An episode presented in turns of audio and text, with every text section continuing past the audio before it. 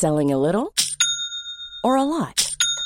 Shopify helps you do your thing however you cha-ching. Shopify is the global commerce platform that helps you sell at every stage of your business. From the launch your online shop stage to the first real life store stage, all the way to the did we just hit a million orders stage. Shopify is there to help you grow. Shopify helps you turn browsers into buyers with the internet's best converting checkout.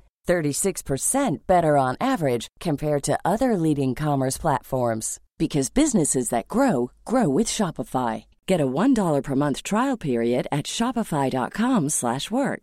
shopify.com/work. Hey, I'm Ryan Reynolds. Recently, I asked Mint Mobile's legal team if big wireless companies are allowed to raise prices due to inflation. They said yes. And then when I asked if raising prices technically violates those onerous 2-year contracts, they said, "What the f*** are you talking about? You insane Hollywood ass."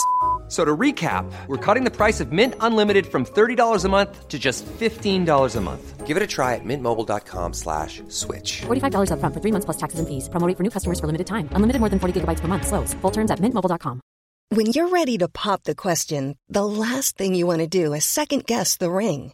At Bluenile.com, you can design a one-of-a-kind ring with the ease and convenience of shopping online. Choose your diamond and setting. When you find the one, you'll get it delivered right to your door. Go to Bluenile.com and use promo code LISTEN to get $50 off your purchase of $500 or more. That's code LISTEN at Bluenile.com for $50 off your purchase.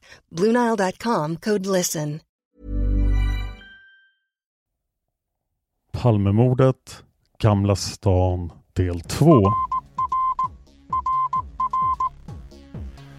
Sveriges statsminister Olof Palme är död. 90 000. Ja, det är mord på Sveavägen. Hörde de säger att det är Palme som är skjuten. Mordvapnet med säkerhet är en Smith Wesson, en revolver kaliber .357. Inte ett svar. Det finns inte ett svar. För jag har inget. Och jag har inte varit Varför skulle jag Polisen söker en man i 35 till 40-årsåldern med mörkt hår och lång mörk rock. Välkommen till podcasten Palmemordet som idag görs av mig, Dan Hörning. Idag tänker jag fortsätta på vittnesförhören från Gamla stan. Men det har också kommit ett besked från Åklagarmyndigheten. Det hände idag, samma dag som jag spelar in, den 29 maj klockan 09.30. Rubrik inför beslut i Palmeutredningen. Åklagarmyndigheten säger Åklagaren har för avsikt att fatta beslut i åtalsfrågan i Palmeutredningen före den 1 juli. Här följer information till media inför beslutet.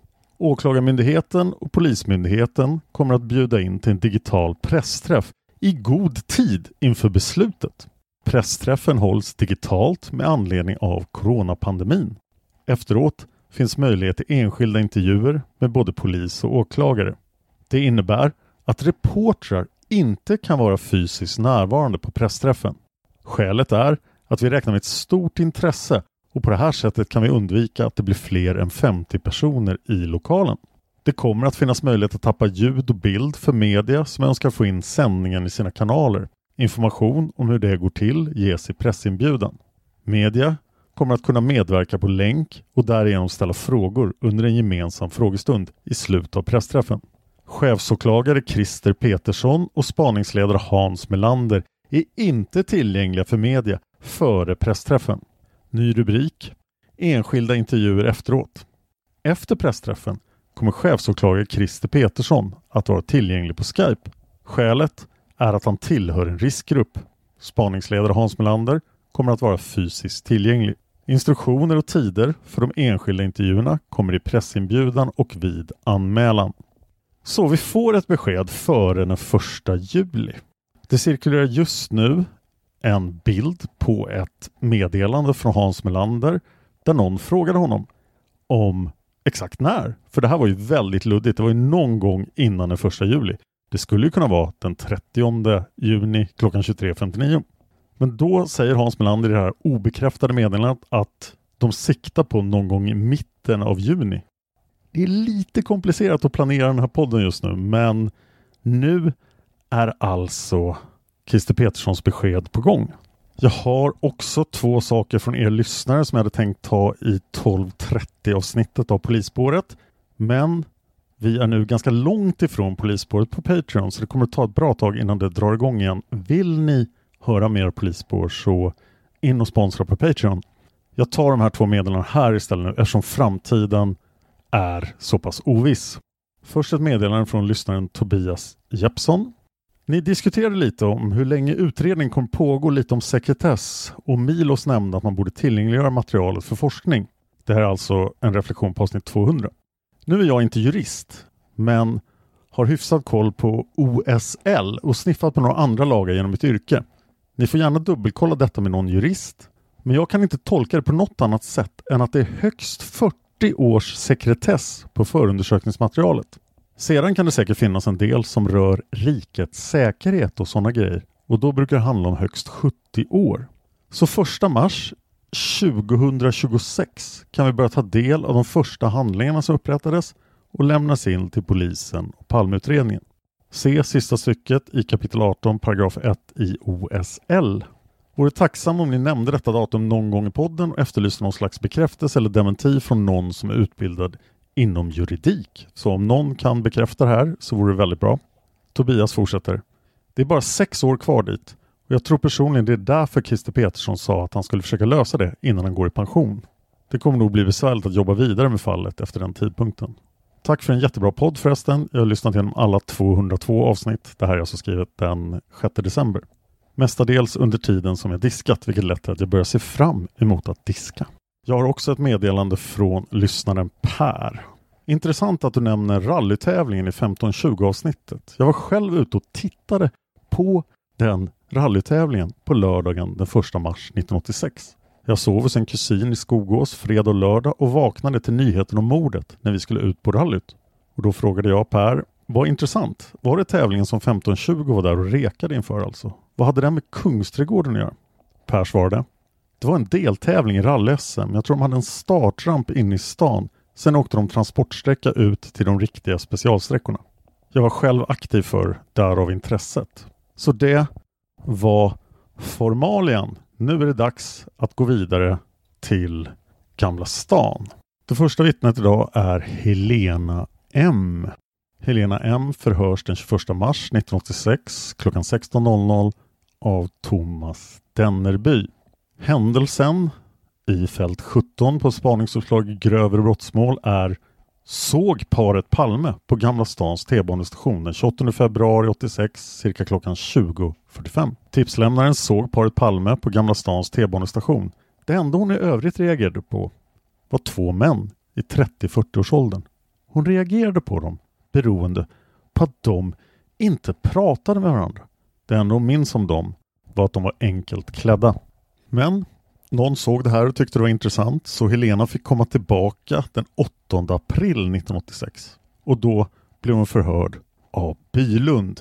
Uppföljning på spaningsuppslag Z8597 1. Helena uppgav följande.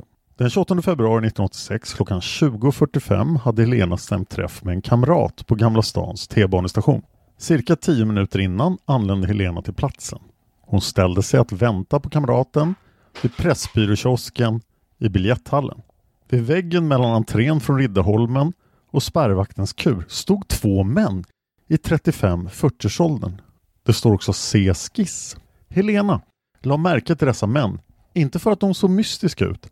De passade dock inte in i mönstret och även fast de stod bredvid varandra talade de inte med varandra.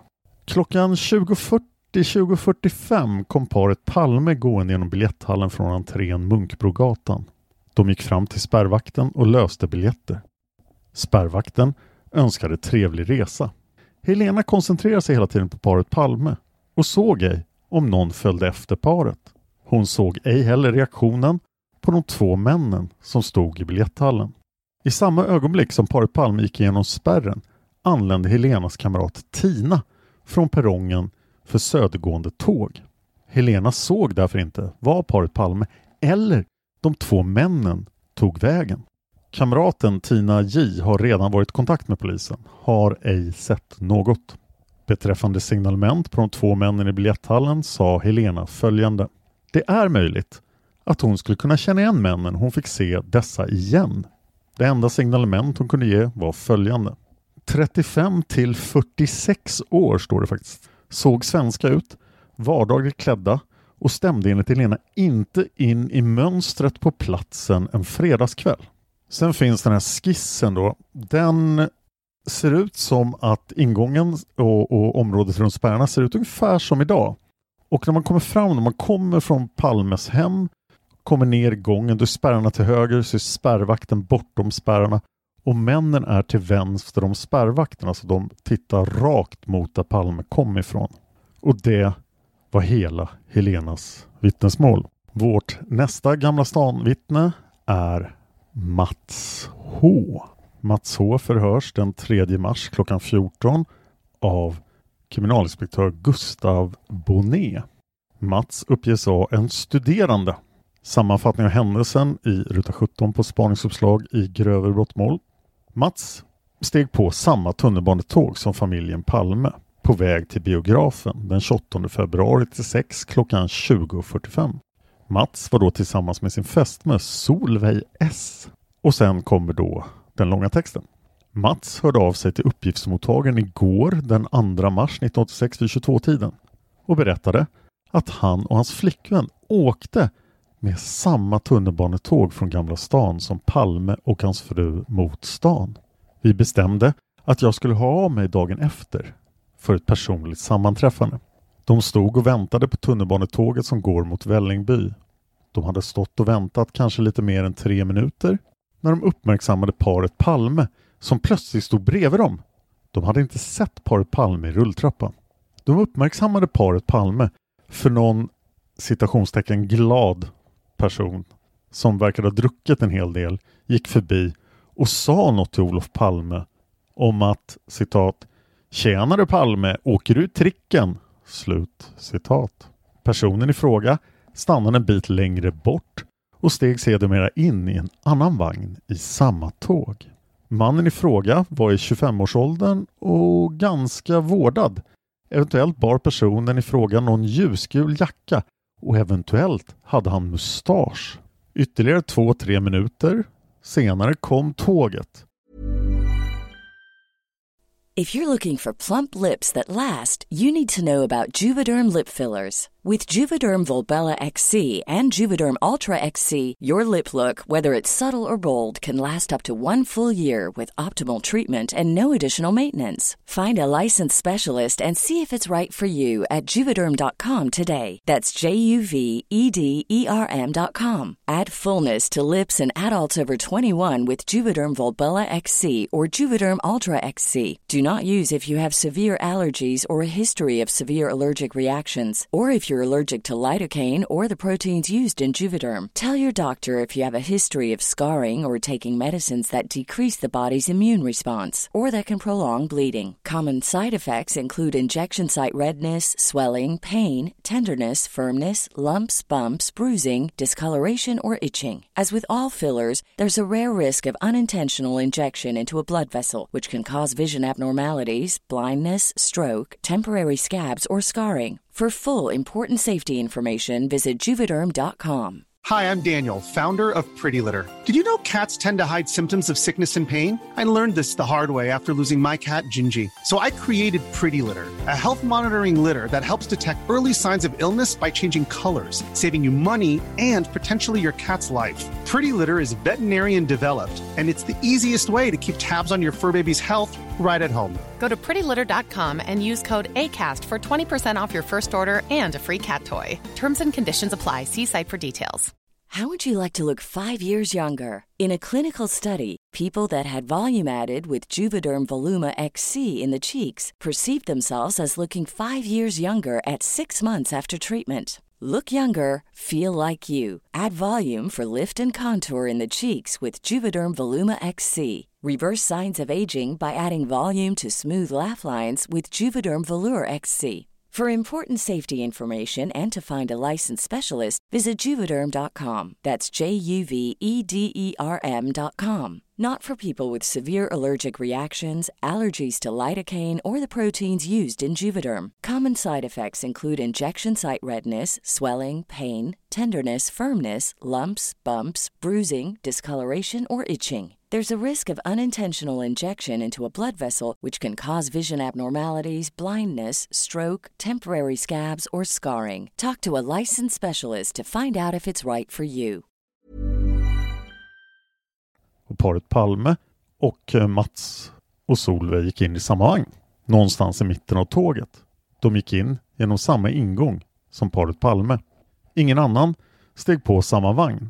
Mats tror inte att mer än 14 personer fanns då på deras perrong. Det var glest med folk på deras perrong enligt Mats. Mats la inte märke till om någon kom efter paret Palme ut på perrongen. Han tror att han skulle ha gjort det eftersom han stod så nära rulltrappan.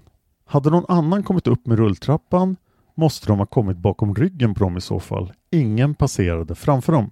Av de andra personerna som fanns på perrongen kan han inte lämna någon upplysning. Han la inte märke till dem. Både han och flickvännen var intresserade av paret Palme. Det är första gången som de såg paret i verkligheten. Han och fästmön pratade lite om Palme medan de stod på perrongen. Dock väldigt tyst. De stod högst någon meter ifrån dessa på perrongen. Mats hade på sig en ljusgrå sportjacka samt jeans. Flickvännen hade en vit anorak med brunt mönster samt jeans. På tåget stod både paret Palme och paret Mats och Solveig eftersom samtliga sittplatser var upptagna. Vid T-centralen steg folk av och steg även på. Det blev lediga sittplatser men paret Mats och Solveig hann aldrig sätta sig innan dessa blev upptagna. Inte heller paret Palme satte sig. Han kommer ihåg att Lisbeth Palme föreslog att de skulle sätta sig när det blev lediga platser vid Hötorget. Men Olof Palme påpekade att de skulle snart vara framme. De steg av vid Rådmansgatan medan Mats och Solveig åkte till Fridhemsplan. Han är nästan helt säker på att ingen i den vagnen gick av utom paret Palme. Han är i varje fall 100% säker på att ingen gick ut genom samma utgång som paret Palme och nästan säker på att ingen från den vagnen heller gick av. Sen såg han inte paret Palme eftersom de gick bakåt på perrongen. Han såg inga personer på den delen av perrongen som tåget passerade sedan det lämnat stationen. Nästa Gamla stan-vittne är Stefan H. Han förhörs den 4 april klockan 12.45 av Barbro Svensson från SÄK. Händelsen var person som åkt i samma tunnelbanevagn som paret Palme. Stefan är också en studerande. Löptexten är följande. Kriminalkommissarie Bo Holm, SÄK, telefon XX eller expedition YY meddelar att hans son Stefan åkte i samma tunnelbanevagn som paret Palme. Stefan hade klivit på tunnelbanan vid Zinkensdamm och vid Gamla stans tunnelbanestation klev paret Palme på. Bredvid Stefan satt en kille som stirrade på Olof Palme. Killen är okänd för Stefan. Stefans kommentar till sin far Bo var citat ”Stirra på Palme gjorde väl alla som kände igen honom. Det gjorde nog jag också.” Slutcitat. Både paret Palme och Stefan gick av i Rådmansgatan men de gick åt varsitt håll utanför uppgången. Bo skulle försöka ta reda på Stefans yrkesskolas adress och telefonnummer. Annars ska Stefan nås genom sin far. Stefan är mycket sällan hemma i bostaden. Och det blev en fortsättning på det här. Men det tog en månad. Nästa förhör är från den 4 april 1986 klockan 09.45. Det genomförs av Lennart Davidsson och är då en uppföljning av det förra uppslaget. Stefan uppger att han på kvällen den 28 februari åkte T-bana från Gullmarsplan till Rådmansgatan. Stefan säger att han observerat makarna Palme först inne i tunnelbanevagnen. Han har således inte sett var och när makarna Palme steg på vagnen. Makarna Palme hade stått upp i vagnen under hela resan. De hade stått i vagnens högra halva. Stefan säger att han satt någon meter från makarna. Det var en sittplatsgrupp mellan dem. Stefan säger att han inte har lagt märke till något särskilt under resan. Han minns själv bara utseende på två personer i vagnen. Det var två yngre män, varav en stod bredvid makarna Palme och den andra satt vid sidan av Stefan. Det var inget speciellt i deras uppträdande eller utseende som han fäste sig vid. Bakom makarna, sett från Stefans håll, så satt en grupp ungdomar som hade skidor med sig. Stefan säger att Palme verkade glad och avspänd. Då de kom fram till Rådmansgatans T-banestation så hade såväl makarna Palme som Stefan gått ur vagnen. Stefan säger att han gick alldeles bakom makarna på perrongen och även under färden upp i rulltrappan till biljetthallen. Stefan säger att han förutsatte att Palme hade livvakter med sig och han gick med avsikt nära makarna Palme upp till biljetthallen för att liksom provocera fram livvakterna för att han ville se hur de handlade och reagerade då någon följde efter statsministern. Han höll sig dock så långt tillbaka att han inte skulle störa makarna Palme och han menar att han hela tiden gick fyra till sju meter bakom. Stefan hade då samtidigt tittat på de övriga människorna som gick av och åkte upp i rulltrappan och då mest i avsikt att se vem som var livvakter. Och han säger att det inte var någon som passade in för att vara livvakt. Det var ett tiotal personer som steg av och enligt Stefans intryck så var det helt vanliga människor, varav de flesta tycktes vara ensamma. Stefan har tänkt mycket på sina intryck av händelsen men han kan inte säga att det var något särskilt som tydde på att någon var efter makarna Palme på resan. Då herr och fru Palme kom upp i biljetthallen så tvekade de tydligen vilken trappa de skulle välja och de hade kommenterat detta till varandra och skrattat. Paret Palme gick sedan upp i den trappan till höger medan Stefan själv gick upp i den vänstra och sen såg han inget mer av makarna. Stefans eget signalement. 25 år, 187 cm lång, mörkblont, krulligt, stort hår. Han var iklädd en stor svart bylsig jacka, beige byxor och svarta gymnastikskor. Nästa vittnar Leila K och det är inte popartisten för den här Leila K är född 48. Leila K förhörs den 8 mars 1986 klockan 14.30 av Stefan Johansson. Leila är sjukvårdsbiträde. Händelsens korta rubricering är iakttagelse av mansperson som kom inspringande i samma tunnelbanevagn som Palme klev på vid Gamla stan. Mannen lik tv-bilden av gärningsmannen, usch, fantombilden. Då har det här nog inte så stort värde. Men vi fortsätter. Löptexten då. Leila och hennes man klev på T-banetåget vid Slussen cirka 20.45 den 28 februari 1986. Paret stod i mitteningången av T-banevagnen med blicken vänd mot söder, bakre delen av tåget. Vagnen var nästan fullsatt. När tåget kom till station Gamla stan såg Leila att paret Palme klev på vagnen. Palme stod i samma vagn som Leila och i vagnens södra ingång med ansiktena vända åt norr mot Leila. Innan dörrarna ska stängas kom en man inspringande i mitteningången. Leila såg mannens ansikte och tycker att ansiktet stämmer väl överens med bilden av gärningsmannen som massmedia visat. Mannen satte sig direkt vid mittengången med ansiktet mot paret Palme. Leila klev av vid station Hötorget. Då var både paret Palme och mannen kvar på tåget. Leila uppger att mannen hade mörklockigt hår, luggen täckte halva pannan, mannen bar blå jacka och mörka byxor. Han var cirka 1,80 till 1,85 lång. Leila fick för sig att mannen verkade full när han klev på vid Gamla stan. Han gick konstigt. Leilas man minns, säger mannen. Leila uppger att hon skulle känna igen mannen om hon träffade honom igen. Någon har markerat med rött på det här vittnesmålet. Förtur. Nästa dokument i vittnesmålen från Leila är från den 19 mars klockan 14. Uppgiftsmottagaren är Torbjörn Säfström. Det är ganska kort. Det står ovan nämnda dag och tid togs per telefon med vittnet som då uppgav att hon tidigare hade varit hos KK1 och gjort en så kallad fantombild av personen som hon iakttagit. Vid detta tillfälle ska även ha hållits nya förhör med vittnet. Och det stämmer, för vi har ett papper från KK1. Det är från den 9 mars klockan 16. Uppgiftsmottagaren är Norlin. Löptexten. Leila säger att hon och maken tog tunnelbanan som var vid Gamla stans tunnelbanestation klockan 20.45. Hon uppger att hon såg Palme med fru kliva på samma vagn som hon befann sig i. Hon säger att de stod vid ingången på vagnen och att Palme med fru stod vid en dörr som var sist i vagnen. Hon stod vänd åt det hållet så hon såg makarna Palme hela tiden tills hon klev av vid Hötorget. Vidare uppger hon att det kom en man inrusande i tunnelbanetåget alldeles före innan det skulle åka.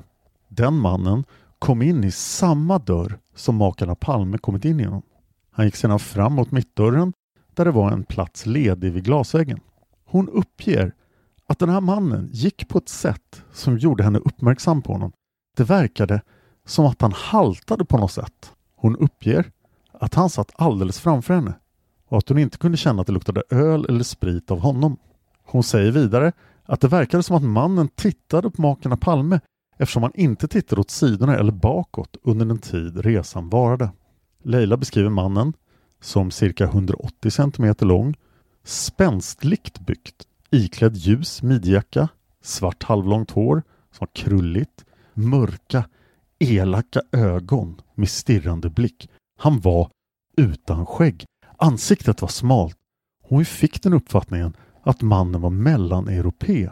Hon har inget mer att säga i saken. Det kan ju vara på sin plats att påpeka att det här alltså var 9 mars 86 så det var långt innan haltande hade kommit in i bilden. Det var allt om Leila.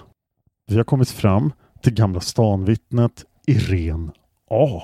Hon förhörs den 3 mars 86 av Gunnar Evstedt. Irene satt i samma T-banevagn som makarna Palme. Irene steg på vid Gullmarsplan vid 20.30 och såg när paret Palme kom på vagnen i Gamla stan. Irene steg av vid Hötorget. Det var ju ganska kort, men redan nästa dag hålls ett telefonförhör, alltså den 4 mars 86, av kriminalinspektör Håkan Ström som är förhörsledare här. Den 28 februari 1986 vid 20.30-tiden åkte Irene med tunnelbanetåg från Gullmarsplan in mot staden. Hon var i sällskap med sin väninna Britta A. De klev in i den sista eller den näst sista vagnen genom dörrarna längst bak. Irene satte sig vid fönstret med ryggen i färdriktningen på sätet till höger om dörren. Hennes väninna satte sig mitt emot vid fönstret. Det var mycket folk i vagnen. Flera personer stod upp. Vid Gamla stan uppmärksammade väninnan att Olof och Lisbet Palme stod på perrongen. De klev in genom den bakre dörren i vagnen. Irene satt med ansiktet mot dem. Hon tror att de ej var ensamma som klev på vagnen genom denna dörr. Lisbeth Olof Palme stod upp med cirka tio personer omkring sig. De samtalade inte med någon utan Olof log och verkade avslappnad. Vid T-centralen klev några ungdomar av tåget. De stod kvar på perrongen utanför tåget och pekade mot Olof Palme. De var strax under 20 år gamla. Vid Hötorget klev Irene och hennes väninna av. Paret Palme fortsatte med tåget. Under tunnelbaneresan märkte Irene inget speciellt eller underligt. Sen finns det en notis av Håkan Ström där det står att väninnan Britta hörd separat. Det sker en uppföljning av det här förhöret, oklart. Ja, det är per telefon den 11 april klockan 09.00. Då uppger Irene att hon den 28 februari till, hon uppger det här till Rolf Hanbo, att hon den 28 februari klev på tunnelbanan Gullmarsplan vid cirka 20.30 tiden. Tågsättet hade fyra vagnar. Hon tror att hon klev in i vagn nummer tre. Irene steg in genom vagnens bakre dörr och satte sig till höger i tågets färdriktning närmast dörren. Hon åkte baklänges. Vid station Gamla stan klev det på ganska många personer. Bredvid henne satte sig en ljus man cirka 25-30 år mitt emot honom placerade sig en kvinna. Dessa två samtalade ej med varandra. In genom samma ingång som Irene klev paret Palme. Hon tror att de var ensamma som klev in genom bakre dörren. Palme med fru ställde sig på ståplatserna mellan bakre dörrarna och Irene tror att det fanns cirka tio personer på detta utrymme. Av dessa personer kommer Irene bara ihåg att det stod tre utländska ungdomar vid dörren. Nästa dokument i Gamla stan-spåret är en sammanställning över aktuella tunnelbanelinjer samt ankomst och avgångstider. Uppgifterna är lämnade av Lennart O som är anställd på Stockholms lokaltrafik station och planeringsavdelning. Uppgifterna lämnades till kriminalinspektör J Svelin den 7 mars klockan 15.45. Kontroll av linje 17 samt linje 19 som enligt uppgift ska ha passerat Gamla stan vid aktuell tidpunkt den 28 februari 1986. Avseende linje 17 tur 2 gäller följande tider. Gamla stan ankom 20.41.40 avgång 20.42.50. T-centralen ankom 20.43.50 avgång 20.45.10. Det tog alltså en minut mellan Gamla stan och T-centralen. Hötorget ankom 20.45.40 avgång 20.46.50. Tog alltså 40, 30 sekunder mellan T-centralen och Hötorget. Rådmansgatan ankom 20.47.20 avgång 20.48.10. Tidsuppgifterna är plus minus 10 sekunder. Avseende linje 19 tur 10 gäller följande tider. Gamla stan ankom 20.47.00 avgång 20.48.20. T-centralen ankom 20.49.30 avgång 20.51.00. Där tog det en minut och tio sekunder mellan Gamla stan och T-centralen. Hötorget ankom 20.51.30 avgång 20.52.20 och Rådmansgatan ankom 20.52.50 avgång 20.53.50. Tidsuppgifterna är plus minus 10 sekunder. Uppgifterna är hämtade från SLs tidsdiagramblad. Och här reflekterar jag spontant på att en ankomst 20.52.50 som var det senare alternativet låter ganska tidigt för paret Palme. Nästa Gamla stan-vittne är Maria P. Hon förhörs av Stefan Johansson den 11 mars klockan 16.20. Händelsen är att hon åkte samma tunnelbanevagn som Palme och här är löptexten. Strax efter 20.30 kom Maria till perrongen station Gamla stan. På perrongen stod redan en pojke och en flicka i 20-årsåldern. Maria stod ungefär mitt i perrongen. Efter cirka tio minuter kom paret Palme upp på perrongen. Palme ställde sig vid trappuppgången. En blond man stod redan där och Palme och mannen växlade några ord. Maria la inte märke till om någon person kom efter paret Palme. Efter cirka 3-4 minuter kom så tåget. Palme klev då in längst fram i vagnen och Maria ställde sig i mitteningången. Maria såg inte Palme något mer efter att hon hade gått på tåget. Maria såg ingen person komma springande till vagnen. Maria klev av vid station T-centralen. T-banevagnen var fullsatt och folk stod upp i vagnen. Det här var tydligen intressant för Maria förhörs igen den 7 april 86 av Bylund. Uppföljning på spaningsuppslag Z8445. Maria uppgav följande. Den 28 februari vid 20.30 tiden anlände hon till norrgående tågens perrong på Gamla stans T-banestation. Hon gick upp på nämnda perrong genom norra trappuppgången och ställde sig ett par meter norr om uppgången. Efter cirka 6-7 minuter kom paret Palme upp samma väg till perrongen. De vek omedelbart av till vänster när de kom upp på perrongen. De ställde sig cirka en meter från trappstaketet i höjd med trappans slut. Och det finns en skiss till där så det står C-skiss. Maria såg ej om det kom någon efter paret. En bit till vänster om paret Palme, vid trappstaketet, stod två män. Den man som stod närmast Olof Palme tilltalade denne. Olof Palme skrattade då till och sen sades inget mer. Maria kunde inte uppfatta vad som sades. Dessa män stod enligt Maria på nämnda plats innan paret Palme anlände. Maria vet ej hur länge männen hade stått där. När T-banan anlände klev paret Palme på i mitten eller längst bak i vagnen. Maria gick på samma vagn i mitten eller längst fram i vagnen. Hon minns endast att det var dörren intill den som paret Palme klev på igenom. Maria stod sedan vid mittstolpen i den ståplatssektion hon fanns i. Maria klev av nämnda tåg vid T-centralen efter det att paret Palme hade klivit på tåget vid Gamla stans tunnelbanestation såg hon inte till dem mer. Maria vet ej heller vart de två männen tog vägen. Vad beträffar paret i 20-årsåldern stod de på perrongen när Maria anlände dit. De läste bioannonser i en tidning enligt Maria. Signalement på den man som stod närmast Olof Palme på perrongen.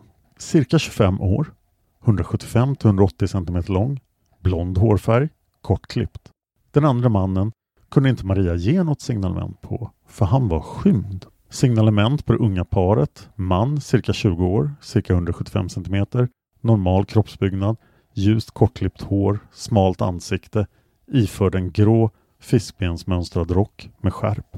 Kvinna, cirka 20 år, kanske 165 cm lång, ljust axellångt lockigt hår, kraftigt målad, iförd mörk kappa.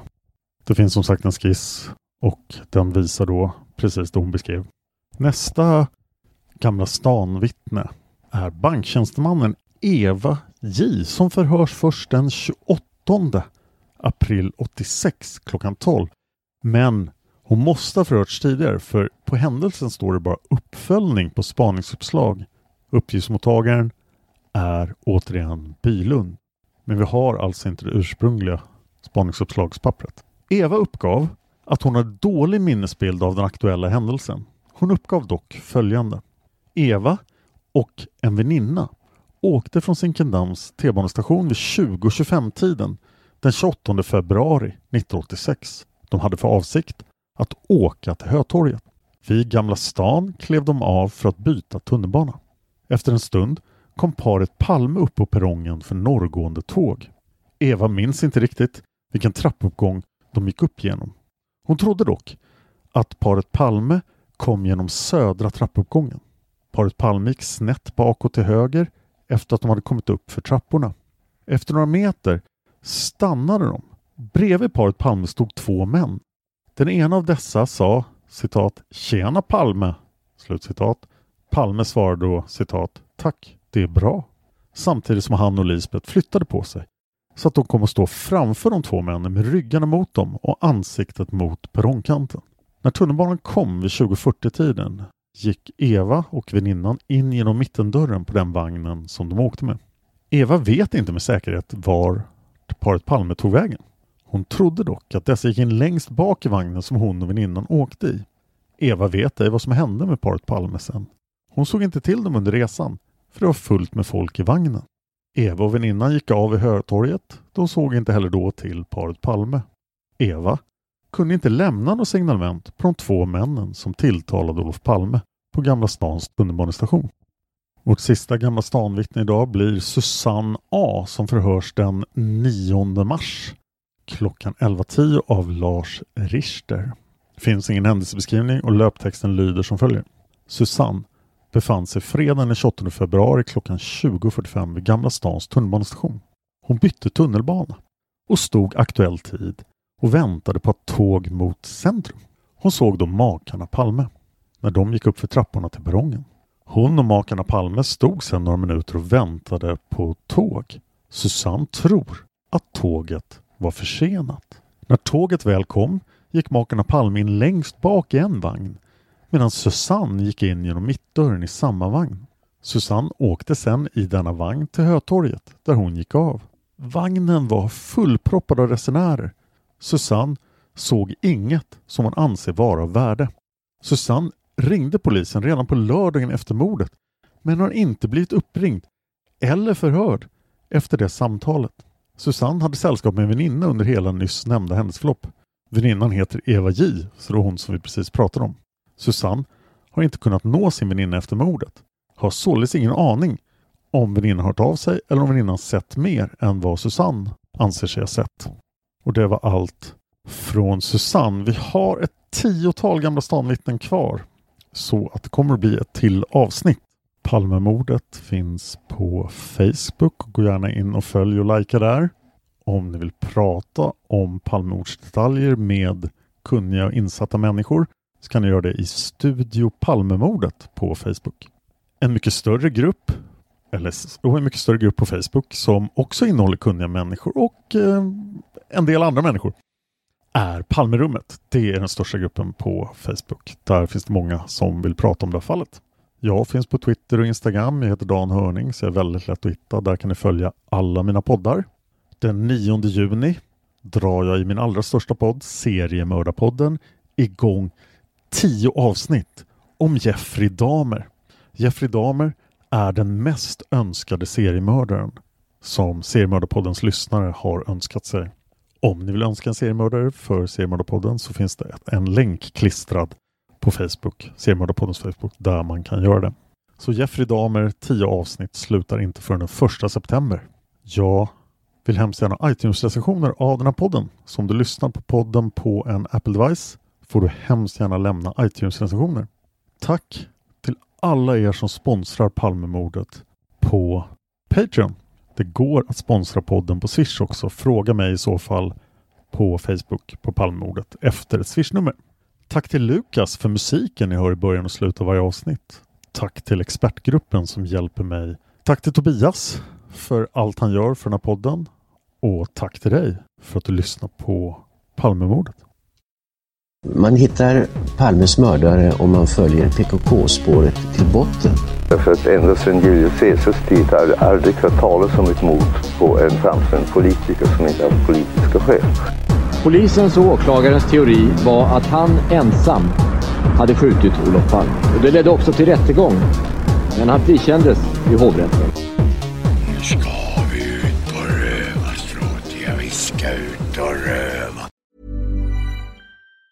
En the softest sheets you've ever felt. Now imagine them getting even softer over time. That's what you'll feel with Bowl and Branch's organic cotton sheets. In a recent customer survey, 96% replied that Bowl and Branch sheets get softer with every wash. Start getting your best night's sleep in these sheets that get softer and softer for years to come. Try their sheets with a 30-night guarantee. Plus, get 15% off your first order at bowlandbranch.com. Code BUTTERY. Exclusions apply. See site for details. Flexibility is great. That's why there's yoga. Flexibility for your insurance coverage is great too. That's why there's United Healthcare Insurance Plans. Underwritten by Golden Rule Insurance Company, United Healthcare Insurance Plans offer flexible, budget friendly coverage for medical, vision, dental, and more. One of these plans may be right for you if you're, say, between jobs, coming off your parents' plan, turning a side hustle into a full hustle, or even missed open enrollment. Want more flexibility? Find out more about United Healthcare Insurance Plans at uh1.com. Planning for your next trip? Elevate your travel style with Quince. Quince has all the jet setting essentials you'll want for your next getaway, like European linen, premium luggage options, buttery soft Italian leather bags, and so much more. And is all priced at 50 to 80% less than similar brands. Plus, Quince only works with factories that use safe and ethical manufacturing practices. Pack your bags with high-quality essentials you'll be wearing for vacations to come with Quince. Go to quince.com slash pack for free shipping and 365-day returns.